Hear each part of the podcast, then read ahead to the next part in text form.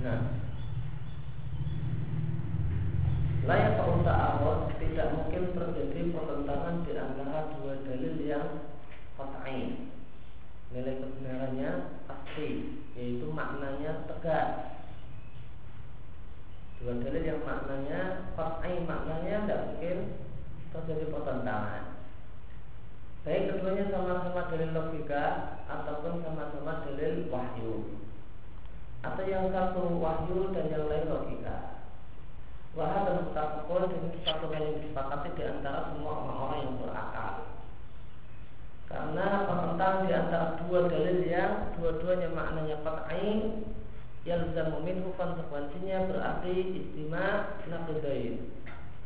Berkumpulnya dua hal yang bertentangan dan ini satu hal yang mustahil. Kemudian yang kedua, layak pau tidak mungkin terjadi pertentangan di antara dua dalil yang satu qat'i, yang satu maknanya tegas, yang satu maknanya kemungkinan, ya, yang yang yang nomor dua maknanya baru kemungkinan atau kemungkinan kuat. Beberapa tujuan. Karena dalam kondisi ini maka dalil yang nilainya itu sangkaan kuat itu lagun itu sia-sia artinya tidak dipakai. Wala amal innama yakun dan amal yang diamalkan hanyalah dalil yang maknanya tegas. Fa inna dhanna karena praduga la yarfa'ul yaqina tidak bisa menghilangkan sesuatu yang yakin. Akan yakinlah eh, yakin itu dimenangkan atas praduga kuat. Oleh karena itu maka mahal ta'arud oleh karena itu mahal ta'arud eh, tempat terjadinya pertentangan dalil itu adalah dalil-dalil yang maknanya dhani saya pak ta'arud maka mungkin terjadi pertentangan di antara dua dalil yang dua-duanya dhani semua. Idza zahara ta'arud jika nampak ta'arud jika nampak pertentangan dalam pandangan seseorang maka itu hanya terjadi di antara dua dalil yang dhani wajib maka kewajiban kita pada saat itu alat tertib adalah sebagai berikut secara urut adalah secara urut sebagai berikut. Yang pertama berusaha untuk mengkompromikan keduanya jika memungkinkan. Dan di antara bentuk atau cara kompromi? Yang pertama memahami menafsirkan salah satu dari dua dalil dipahami dan ditafsirkan dalam satu kondisi. Dan ditafsirkan dalil yang lain dengan kondisi yang lain inilah yang dikenal dengan istilah hamdul am al khas ya yang disebut dengan tafsir atau hamdul mutlak al muqayyad yang sama dengan takyid membawa dalil yang mutlak pada dalil yang muqayyad yang kedua adalah memahami salah satu dari dua dalil berlaku pada satu zaman dan memahami atau menafsirkan dalil yang lain diberlakukan pada zaman yang lain. Artinya dalil yang belakangan itu menghapus dalil yang duluan.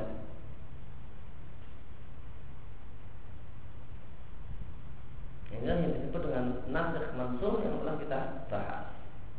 Yang kedua jika tidak mungkin kompromi di antara dua dalil yang ada atau beberapa dalil yang ada, faisal ila tarjih maka baru kembali kepada tarjih memilih dalil di antara keduanya dengan salah satu bentuk tarjih al-arti bayanuha yang akan datang penjelasannya di poin bahasan berikut nanti.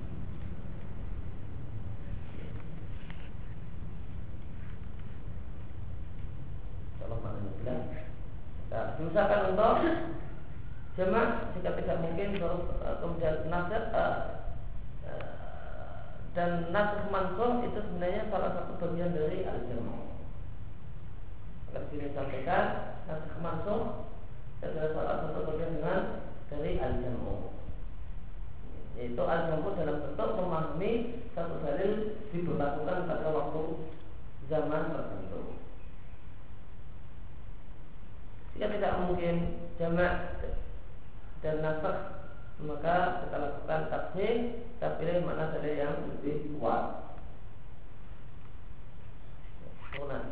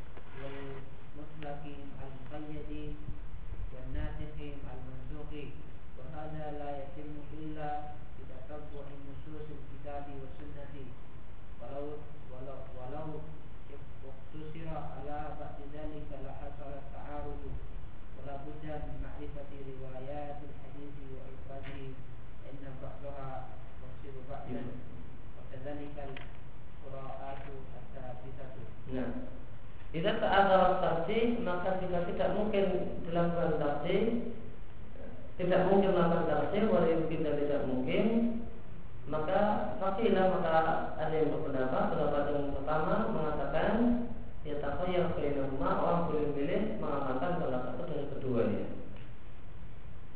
Wahadal kaulun pendapat ini Yuta'ibuhu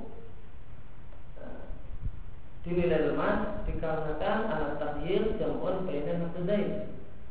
Karena boleh memilih berarti mengumpulkan dua hal yang bertentangan bintang satu.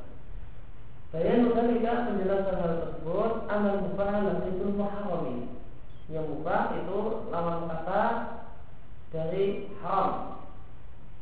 Faidah ta'arad al-mubin wal muharrimu Jika bertentangan dalil yang mengubahkan dan dalil yang mengharamkan Fakhayyarnahu baina qawlihi muharraman Ya'tamu bi fi'lihi wa baina qawlihi mubahan la isma ala fa'ilihi Kana jam'an bainahuma wa dhalika muhal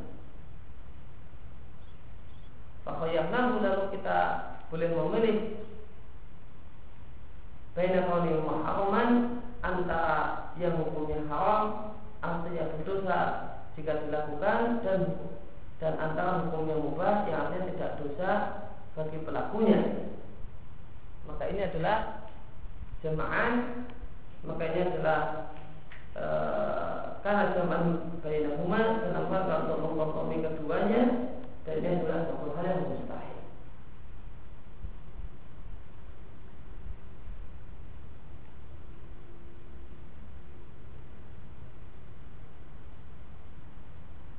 Dan konsekuensinya adalah jika kita boleh memilih di antara dua dalil tersebut adalah istirahun likila dalilai membuang dua dalil tersebut sekaligus. Jadinya nanti ada hukum baru yaitu membuang dua dalil tersebut sekaligus. Kalau tidak ya bintang dua banyak kita penjelasannya adalah ada mujibul muharrim atau ta'arada fal musiru ila tafsir al mutlaq hukmun salisun ghairu hukmin dalilaini ma'an fayakunu istirahat lahumah. وتركا لموجبهما karena jika ada dalil yang mewajibkan dan yang kedua dalil yang mengharamkan. Jika ta'arada jika keduanya bertentangan. Fal masih ila tahdir maka memilih maka merujuk kepada atau kembali kepada tahdir boleh memilih secara mutlak maka ini hukum yang ketiga Ini berarti tidak tidak memakai dalil yang mewajibkan juga tidak memakai dalil yang mengharamkan ini hukum ketiga yaitu terserah ini jadi hukum ketiga dalil yang mengharamkan tidak dipakai yang mewajibkan juga bisa dipakai. Kenapa? Karena terserah mau pakai dalil yang mengharamkan atau mau pakai dalil yang mewajibkan. Maka ini membuang dua dalil ini sekaligus.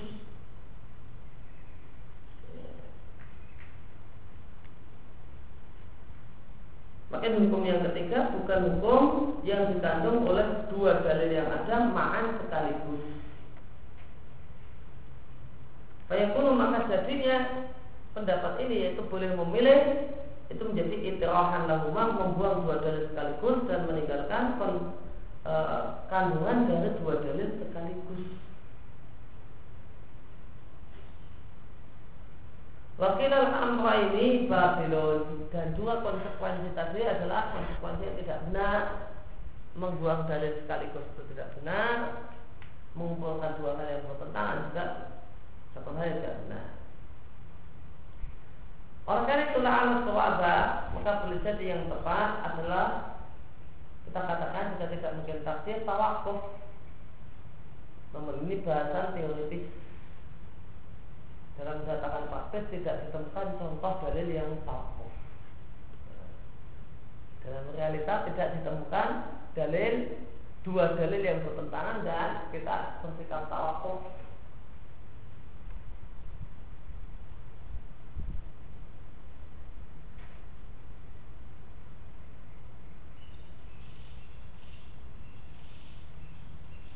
kecuali juga yang dimaksudkan adalah contoh tawakuf untuk orang per orang. Sebagian ulama tawakuf dalam masalah ini. Karena sebagian ulama berpendapat tawakuf dalam masalah ini antara karena melihat dalil yang membolehkan dan dalil yang melarang. Namun ulama lain tidak bisa mengasih penjelasan pasti. Ya, ulama lain bisa kasih penjelasan mana yang lebih kuat.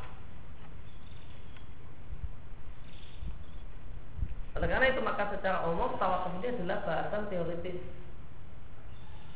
Tidak dijumpai dua dalil yang bertentangan dan tidak ada satupun ulama yang bisa mentafsir yang menyelesaikan dua dalil yang bertentangan ini. kalau yang dimaksudkan dengan tawakuf adalah tawakuf untuk individu tertentu, person-person tertentu, maka mungkin. Maka tawakuf tidak mengambil sikap terhadap dua dalil yang ada. Lalu apa yang dilakukan? Mencari dalil yang baru, mencari dalil yang lain yang bisa menguatkan salah satu dari dua dalil yang ada. Dan ini mencocoki manhaj salaf karena salaf mereka mencari dalil dalam Al-Quran jika mereka tidak menjumpai dalam Al-Quran mereka mencarinya dalam Sunnah jika mereka tidak menjumpai dalam Sunnah mereka mencari dalam ijma hakada wahakada dan demikian seterusnya Pak maklum dan satu hal yang maklum Annahu la takhlusnya tidaklah lepas satu masalah Tidak ada satupun lepas Tidaklah ada satupun masalah yang tidak mengandung dalil dan penjelasan dari syariat. Cuma masalahnya alimahu man alimahu. Dan penjelasan syarat ini ada yang tahu, wajahilahu jahilahu dan ada yang tidak tahu. Nah orang yang tidak tahu, tahu. Yang tahu, mudah ini nah, salah satu lebih kuat Wal ala kulin maka kewajiban masing-masing orang untuk tetap kepada Allah kepada kemampuannya dan bersungguh-sungguh dalam mencari kebenaran dan mengenal dalil.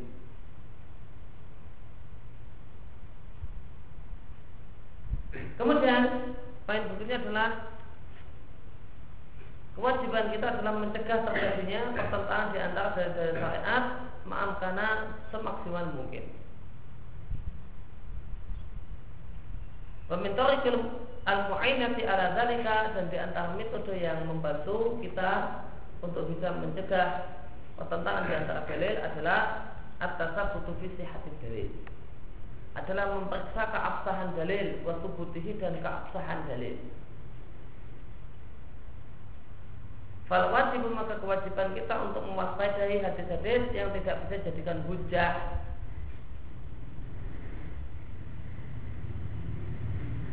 Demikian juga tanah mimma yudha'a ana ijma' wa huwa laisa. Dan memperhatikan perkara-perkara yang diklaim itu adalah ijma' padahal ternyata bukan. Watasab butuh min siatil aqiyas, dan memeriksa keabsahan qiyas karena boleh jadi nampaknya bertentangan ternyata ini bertentangan antara hadis sahih dengan hadis yang baik. Oleh karena itu kita perlu tasabut dengan keabsahan dalil. Setelah diketahui oh ini nggak sahih, sudah kita tinggalkan maka tidak ada pertentangan. Ada pertentangan antara hadis dengan satu masalah satu hukum yang katanya ijma. Maka perlu diperiksa keabsahan hukum-hukum yang diklaim ijma apakah benar-benar ijma ataukah khilaf? Ternyata ada khilaf. Kemudian ada dua pendapat dan salah satu pendapat itu didukung oleh hadis. Nah, maka pendapat yang didukung oleh hadis inilah jelas yang benar. Yang kedua adalah istilah mentelaah sumber-sumber syariat e, kemudian menelusuri dalil-dalil yang ada dan menelitinya wanadar ilaiha dan mengkajinya mustami'atan bebarengan Artinya apa? Dikumpulkan semua Kemudian dipahami Di antara sebab terjadinya ta'arud apa? Ya, orang itu e, Memahaminya sepotong-sepotong. Belum dikumpulkan semua. Hadis yang ada Cuma ngambil sepotong hadis Kemudian buat kesimpulan. Oh, Ternyata nanti bertentangan dengan hadis yang lain.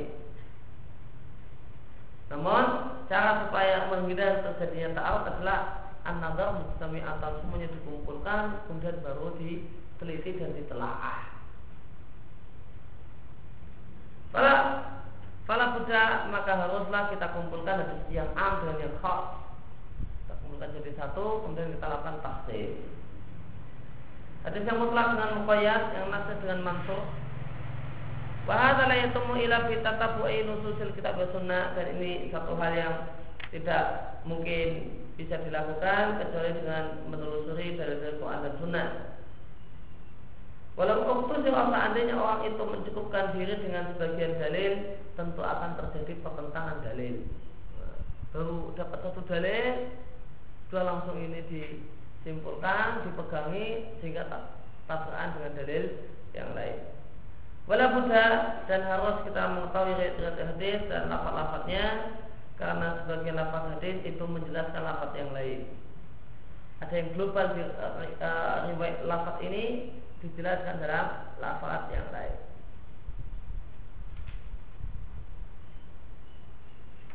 Wakadal qira'at sabitah demikian juga kiroah-kiroah yang sah ya, sebagai kiroah maka perlu diketahui karena satu kiroah itu menjelaskan kiroah yang lain.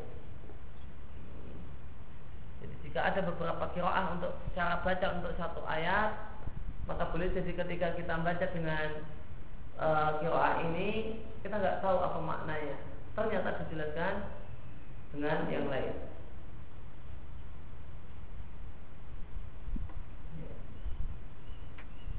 Misalnya tentang Jajak kumfasi kumbinabain fatabayan Maka adalah kalian mencari kejelasan Mencari mana ya, mencari kejelasan. Apa yang dimaksud dengan mencari kejelasan? Dijelaskan di kiroah yang lain. Ya. Dijelaskan dalam kiroahnya Ibnu Mas'ud. Kalau beliau membaca ini dengan membacanya Jajak kumfasi kumbinabain fatasab batu maka tasabut maka tasabut maka artinya ngecek berita satu cara baca itu menjelaskan cara baca Quran yang lain. Satu kiroah menjelaskan kiroah yang lain.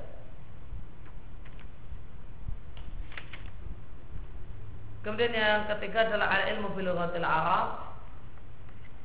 Adalah mengetahui bahasanya orang Arab wa dan isinya min dalalatin wa ma'anin berupa makna wa ya, dan makna makna dan makna fa inna fahman nas karena memahami sebuah teks dan konteksnya keumumannya dan kekhususannya ini hakiki ataukah majaz dan satu perkara yang menghilangkan banyak permasalahan dan mencegah banyak pertentangan.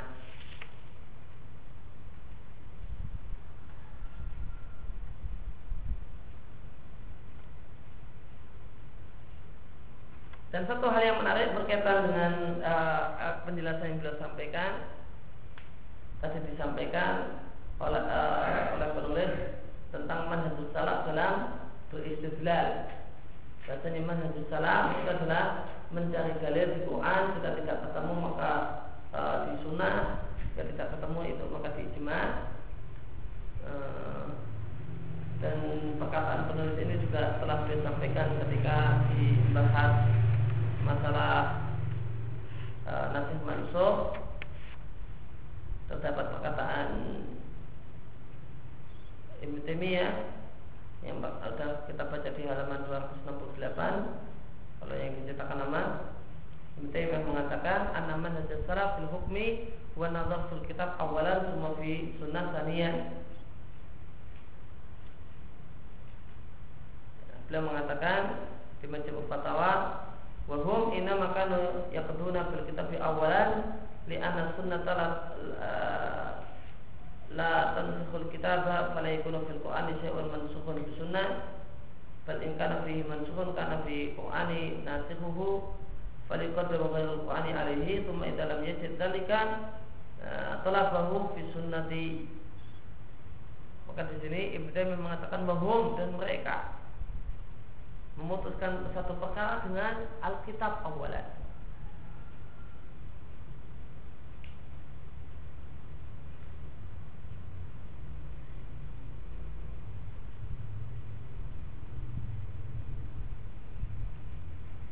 Dan di sini diulangi ditegaskan bahwasanya itulah manhajus salaf. Ya, menghukumi satu perkara adalah dengan melihat Al-Quran terlebih dahulu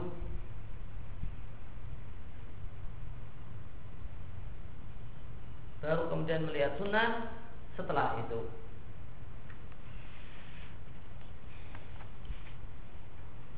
Nah, berkaitan dengan kalimat ini perlu diketahui bahasanya kalimat ini bahasanya menghukumi satu permasalahan itu dengan Quran dulu baru tidak jika tidak ketemu hukumnya dengan Quran maka sunnah dulu nah, maka baru sunnah nah, kalimat ini ya, tidak setuju oleh Sa'al dari rahimahullah taala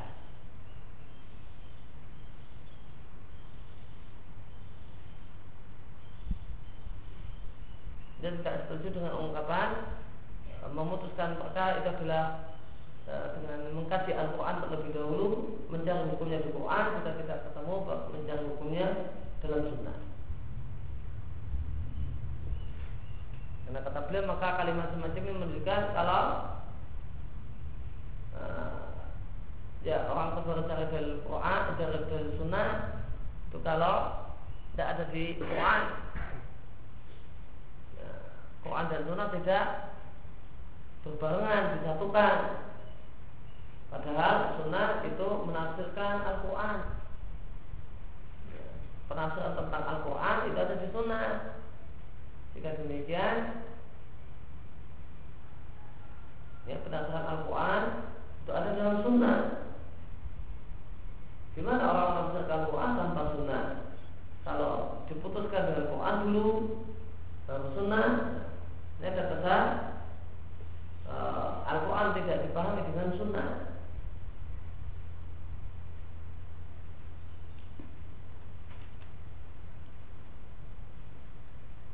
Namun dia harus berbarengan Quran dan Sunnah. Tidak urut kayak gitu. Ya, urut seperti itu. Ini ada satu masalah yang hukumnya Quran. Ya, Kalau tidak ada baru di hadis. Tidak Ini ada satu masalah yang hukumnya di Quran dan hadis. Quran dan makna Quran ini jelas jelas ini uh, pandangan uh, beliau namun Allah Ta'ala ahla mungkin khilaf dalam masalah ini. Eh, perbedaan dalam, masalah ini adalah perbedaan dalam masalah ungkapan karena tujuan dari Sa'al mengatakan perkataan tadi yang tidak setuju dengan kalimat tujuannya adalah untuk mencegah orang-orang yang kurang ajar dengan sunnah dengan kedok berdalil dengan Quran nampaknya adalah tujuannya adalah eh, tujuan pokoknya dari beliau tidak setuju kalimat ini adalah untuk mencegah orang-orang yang mempertentangkan Quran dan Sunnah. Dianggap Quran itu bertentangan dengan Sunnah, akhirnya ya kami pilih Quran karena metode dalam menghukumi Quran dulu.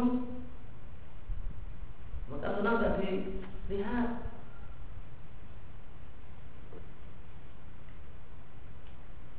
Sehingga tujuannya untuk menolak sunnah zaidah. Karena dianggap bertentangan dengan hukum Quran. Padahal uh, ya dianggap bertentangan dengan hukum Quran. Intinya mau menolak sunnah zaidah ya karena iya ada masalah. Apa hukum anjing? Nah, hukum anjing? Hukum makan daging anjing. Kita cek di Quran mengatakan ya yang yang dihalalkan cuma empat anjing tidak termasuk nah, maka menurut Al-Quran anjing tidak termasuk ada yang melarang sudah selesai karena kita hukumi satu masalah Quran dulu Ya Quran dulu ini tidak ada di Quran. Tidak ada di Quran. Quran selain yang empat halal. Ya, maka itu berarti halal. Gitu. Adapun hadis, wah itu kan kita pakai hadis kalau tidak ada hukum di Quran. Tidak ada hukumnya di Quran.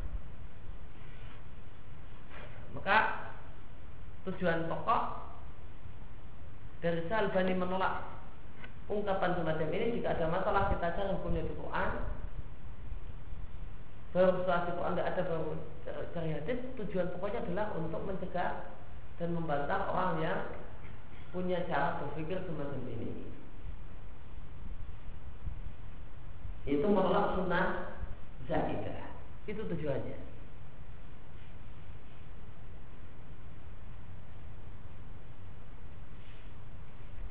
Tetapi jika kita lihat di sini, nah di sini ditegaskan oleh uh, penulis demikian juga sebelumnya di halaman sebelumnya ditegaskan juga ada kutipan penjelasan Taimiyah menunjukkan bahwa inilah mandat salah. Namun kita yakin tentu yang dimaksudkan bukannya membolehkan ya, penolakan terhadap sunnah zaidah. Ya. Bahkan penulis menegaskan di tuh mu'inah ala zalika dan menegaskan di poin B bahasanya salah satu syarat untuk mencegah ta'aruf adalah mengumpulkan semua dalil yang ada. Tidak kemudian cuma Quran saja dianggap Quran telah memberikan hukum sehingga ditolaklah sunnah zaidah. Maka ini menunjukkan bahwasanya dan ini berbeda dengan orang yang menolak sunnah zaidah. Mereka tidak mau mengumpulkan dalil yang ada. Mereka maunya mempertentangkan. Maka ini menunjukkan bahwasanya uh, yang dimaksud dengan jika ada masalah bicara hukumnya di Quran terlebih dahulu bukanlah maknanya dan bukanlah maksudnya membolehkan penolakan terhadap sunnah zaidah.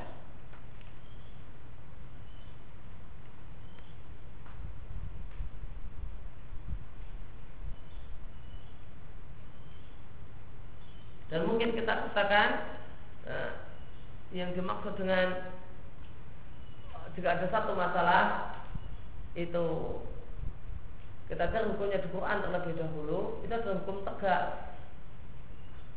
tidak ada Quran membahas tentang hukum anjing gitu kan.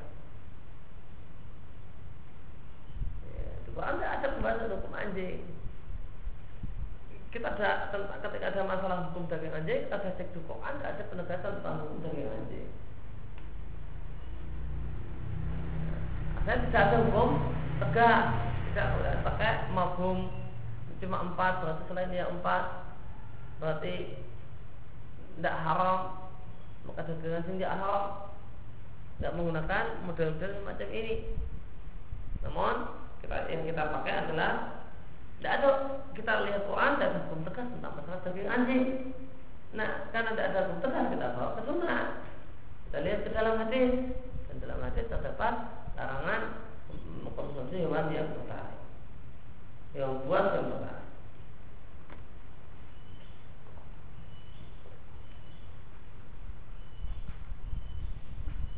sehingga kemungkinan e, sehingga kesimpulannya antara apakah boleh kita katakan mencari dalil di Quran dulu baru tidak ada maka sunnah maka perselisihan tentang bahasa atau kalimat semacam ini kurang lebih adalah perselisihan dalam pengistilahan dan pengungkapan. Apa ada pun itu semuanya sama sama-sama menolak sikap penolakan terhadap sunnah zaidah.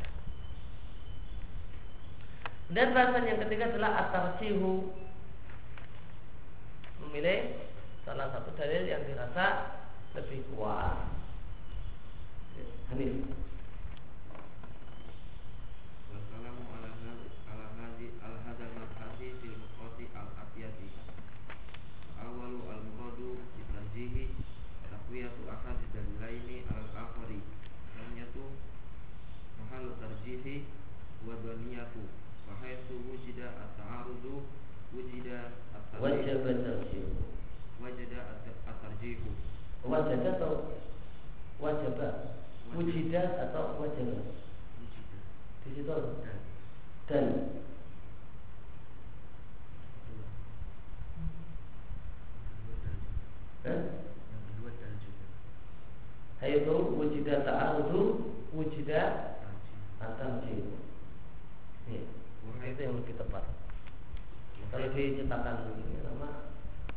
Jika wujudat setara ta'arudu wajah kendali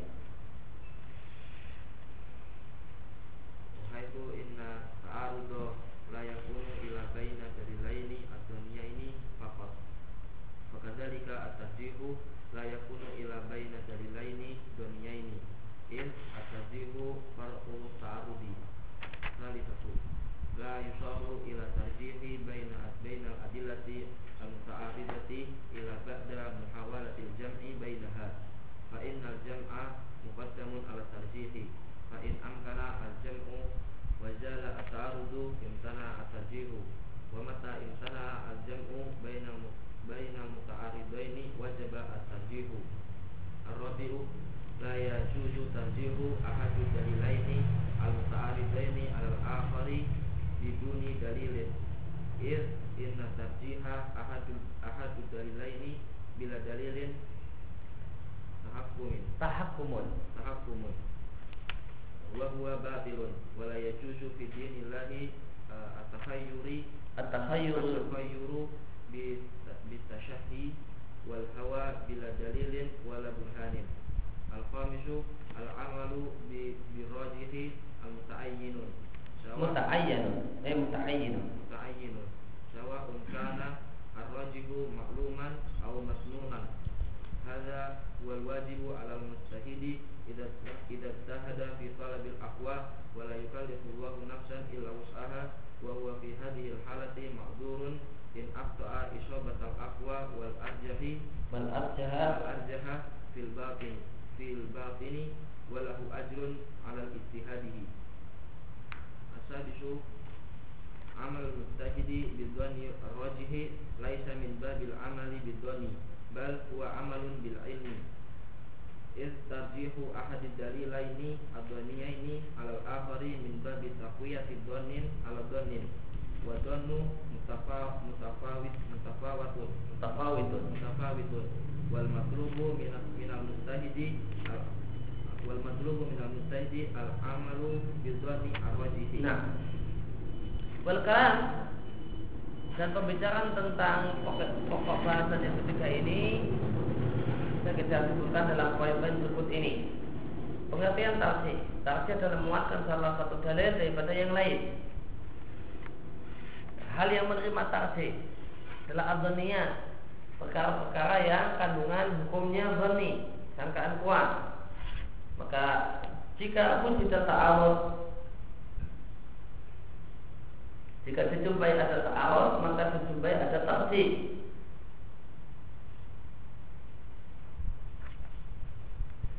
Wahai dan mengingat bahwa ta'arud tidaklah mungkin kecuali di antara dua dalil yang zahir saja, maka demikian juga tafsir tidak mungkin terjadi kecuali di antara dua dalil yang zahir saja. Karena tafsir adalah derivat atau turunan dari adanya ta'arud. Jika tidak ada ta'arud, ya maka tidak ada tarsi. Karena tarsi itu adalah derivat turunan dari ta'arud.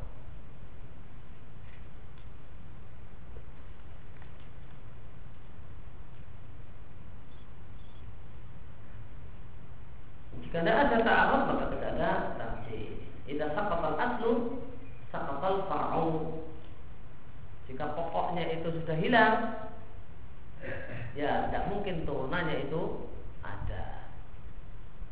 Lain soal ila tarjih tidaklah kita merujuk kepada tarjih di antara dua dalil yang bertentangan kecuali setelah ada usaha untuk kompromi di antaranya. Fa'inal jamaah karena kompromi itu lebih didahulukan daripada tarjih Baik angka al-jam'u Wazala ta'arudu Maka jika memungkinkan untuk mengkompromikan dalil ya, Angka al jika mungkin untuk dikompromikan Dan tidak ada pertentangan. Imtana'an maka tidak boleh ada tarjih Wa mata imtana'a al-jam'u bainal muta'aridain dan jika imtana tidak mungkin kompromi di antara dua dalil yang bertentangan maka di situ wajib melakukan tarjih. Walau itu dan tidak boleh mewajibkan salah satu dari dua dalil yang bertentangan daripada dari yang lain tanpa dalil. Nah, maka tidak boleh tarjihun itu mewajib. Tarjihun bigoiri mewajib tidak boleh. Mewajibkan sesuatu tanpa alasan. Menguatkan salah satu pendapat tanpa alasan. Tidak boleh tidak boleh. Karena menguatkan salah satu dari dua pendapat bila dalil tanpa dalil itu namanya tahap umum namanya asal-asal dalam memutuskan hukum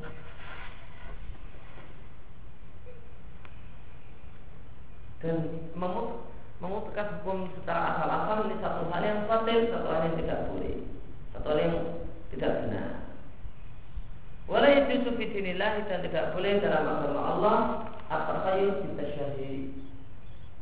Ya, memilih satu pendapat kita syahid dengan mana yang disukai. Wal hawa dan hawa itu tanpa dalil dan tanpa bukti.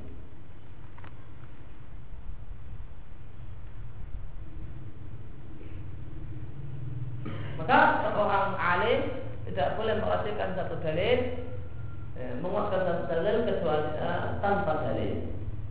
Dia mengatakan satu dalil tanpa harus dengan dalil.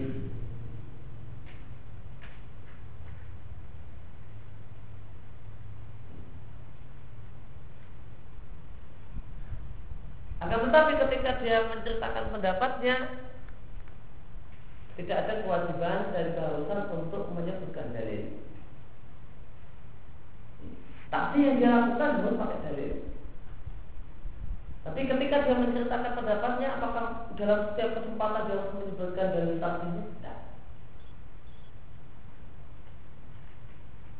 Maka bagaimana dikatakan uh, ya, maka berkaitan dengan masalah misalnya fatwa, maka tidak boleh berfatwa tanpa dalil. Tidak boleh satu hal yang haram hukumnya berfatwa tanpa dalil. Namun tidak ada keharusan untuk menyebutkan dalil dalam setiap kali berfatwa. Dua hal yang berbeda. Hal dua hal yang berbeda. Berfatwa tidak boleh tanpa dalil, harus ada dalilnya. Kenapa hukumi demikian? Kenapa seorang itu seorang alim menghukumi ini demikian? Dia harus punya dalil. Berfatwa harus punya dalil. Namun tidak ada kewajiban untuk menyebutkan fatwa dalam uh, menyebutkan dalil dalam setiap kali berfatwa. Jika dia pengennya ringkas karena melihat orangnya, melihat audiennya, nah, atau melihat waktu, dia tergesa-gesa dia mau ini, ya, namun ini butuh jawaban, ya, maka dia jawab singkat. Ini boleh pendapat yang kuat, ini tidak apa-apa. Ya, dan ya, karena apa? Karena banyak faktor, faktor dirinya, ya, karena ini ditanya sambil jalan lain orang ditanya sambil jalan sama tanya dalam forum santai memang dalam forum ilmiah. Lain orang ditanya sambil jalan. Untuknya boleh. Nah, aja. Yang kuat nggak apa-apa. Atau orang bertanya lewat SMS Oh, bertanya lewat SMS suruh nyebutkan dalil Enggak benar. Oh, dalilnya bahasa Arab. SMS-nya pakai bahasa Indonesia susah. Ini tanya di SMS tanya singkat bagaimana orang tanya sama ulama uh, sama orang yang itu sambil jalan nggak mungkin dijelaskan wow nah ini yang yang yang yang kuat uh, ini dalam hal ini ada dua pendapat, pendapat A, uh, pendapatnya bulan-bulan, dalilnya ini ini, pendapat yang kedua gini-gini, ya tidak mungkin. Sambil jalan ditanya, ya singkat, boleh, nah, tidak boleh, nah, haram, nah. Maka ada, maka ada dua hal yang patut diperhatikan, yaitu tidak boleh berfatwa tanpa dalil. Harus ada dasar, harus ada dalilnya. Namun tidak ada kewajiban untuk menyebutkan dalil dalam sekali berfatwa.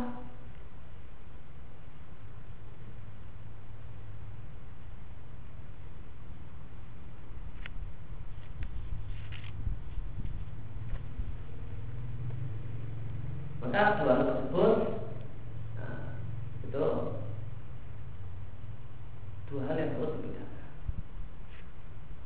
Karena orang beranggapan, orang beranggapan ketika dia anak uh, dia mengetahui uh, mem, membahas atau mengetahui pembahasan tidak boleh berfatwa tanpa dalil, maka sebagian orang beranggapan setiap kali fatwa harus ada dalilnya.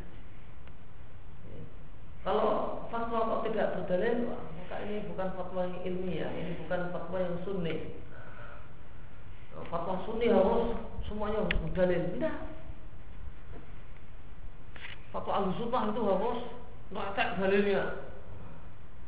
Ini lihat-lihat keadaan. Siapa yang didalil, siapa yang difatwai dan apa keadaannya, cara berfatwa, ya, kondisi orang yang ini yang ditanyai, dia lagi capek misalnya, dia lagi capek ditanya, tidak mungkin dipaksa di harus praktek uh, lengkap detail menyebutkan dalil pendapat macam-macam. Dan karena itu satu hal yang maaf jika orang membaca buku fatwa maka biasanya ulama itu membuat uh, memberikan satu hal yang ringkas di satu tempat dan memberikan orang yang panjang di fatwa yang lain. Di satu fatwa dia, dia ditanya tentang masalah ini dia bahas ringkas bahas mereka sama beberapa baris orang yang panjangnya dijumpai di kesempatan lain ketika beliau ditanya dalam kondisi yang lain dalam kondisi longgar dalam kondisi fresh dalam kondisi enak. Dalam kondisi berhadapan dengan orang-orang yang para penuntut ilmu nah, bukan di hadapan orang-orang awam beliau nanti menjelaskan yang lebih detail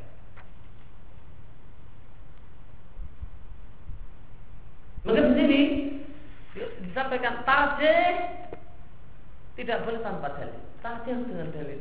Nah, apakah setiap kali orang menceritakan pendapat yang dirugikan harus berdalil ketika dia berfatwa, ketika dia memberikan jawaban? Tidak. Tidak harus dia sebutkan dalilnya. Namun takdirnya itu harus berdalil. Namun menyebutkan apa yang dirahasiakan dalam beberapa kesempatan ketika ditanya tidak mesti harus bersamaan dengan dalil. Harus diiringi dengan menyebutkan dalil. Kemudian al-amal muta muta'ayyinun beramal dengan pendapat yang rajih adalah sebuah keniscayaan. Baik rajih tersebut adalah satu hal yang statusnya ilmu, statusnya yakin atau sangkaan kuat.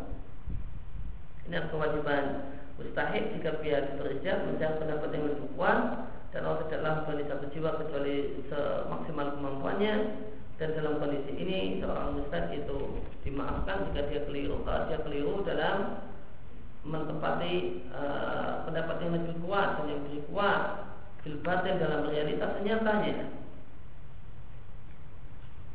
ya, kewajiban seorang alim untuk mencari pendapat yang lebih kuat. Bersiap untuk melakukan mencari pendapat yang lebih kuat. Ternyata meleset. Kalau pendapat yang dia pilih lebih kuat itu ternyata lebih lemah? Dalam kenyataannya maka dia ma'dur jadi maafkan bahkan walau ajrun ala istihad jadi maafkan bahkan dia mendapatkan satu pahala karena istihadnya kemudian uh, amal mustahid ridwan awaji beramalnya seorang alim dengan sangkat yang kuat itu bukanlah termasuk beramal dengan praduga bahkan dia adalah beramal dengan ilmu. Karena ilmu dalam istilah Al-Sunnah mencakup ya, ya sebagaimana pernah kita singgung yakiniyat dan zoniyat ya, mencakup uh, ilmu dalam istilah al-sunnah itu mencakup hal-hal yang yakin dan sangkaan wah tidak sebagaimana uh, pendapat ahlul kalam yang mengatakan ilmu itu hanya yakiniyat sebagaimana dijelaskan oleh uh, Sabir di sarah beliau muhadarah beliau untuk sarah al-usul min ilmin usul. Irtafiu adil dalilain lain karena memastikan salah satu dua dalil yang nilai yang sangat kuat daripada yang lain yang adalah bagian dari menguatkan satu praduga atau praduga yang lain dan yang namanya praduga itu bertingkat-tingkat dan yang dituntut dari seorang alim yang berijak untuk beramal dengan praduga yang lebih kuat.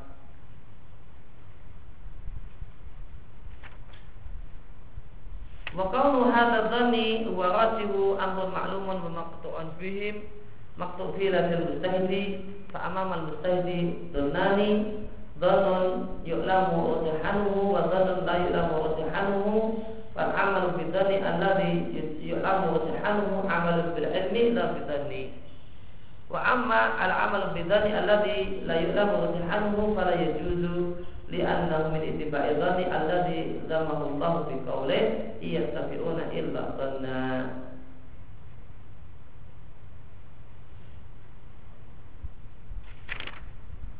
Wa qawlu hadzal dhanni dan status bahasanya dhan ini adalah dhan yang kuat dan satu perkara yang diketahui dan bisa dipastikan oleh si ulama mustahid maka di hadapan seorang alim mustahid ulama mustahid ini ada dua praduga. Ada praduga yang diketahui kerojihannya eh, dan ada praduga yang tidak diketahui kerojihannya. Maka beramal dengan praduga yang diketahui kerojihannya adalah beramal dengan ilmu dan tidak termasuk dalam bab beramal dengan praduga Sedangkan beramal dengan paduka yang tidak diketahui kewajibannya Nah itulah yang tidak dibolehkan. Dan kita tidak termasuk mengikuti paduka yang Allah telah dalam firman-Nya ia tabi'una illatan Ini sedikit yang kita kesempatan. kesempatan. Bagaimana kalau ada kita mahu Terima kasih Wassalamualaikum